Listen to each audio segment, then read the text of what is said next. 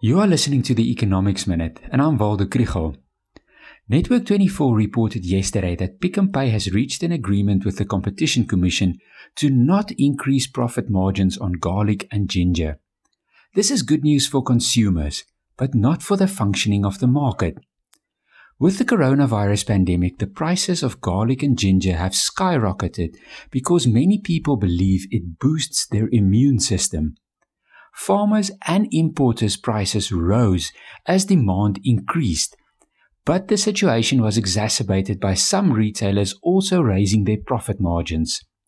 According to the agreement, Pick n Pay will not increase their gross profit on these products until 1 April the Commission hopes to conclude similar agreements with other retail groups. The disadvantage for the functioning of the market is that a price signal is no longer clear. If prices rise and there are profits to be made, it leads to an increase in supply. But when price increases are limited or when prices are fixed, it leads to shortages. For garlic and ginger, this may not matter that much but we must guard against the idea that food prices should be controlled or even set by government because food price inflation is high.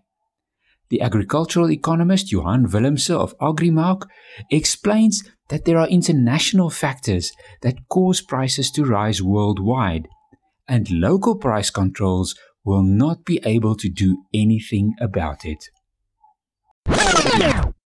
If you want to learn more about the economy, follow the Econ 101 page on Facebook.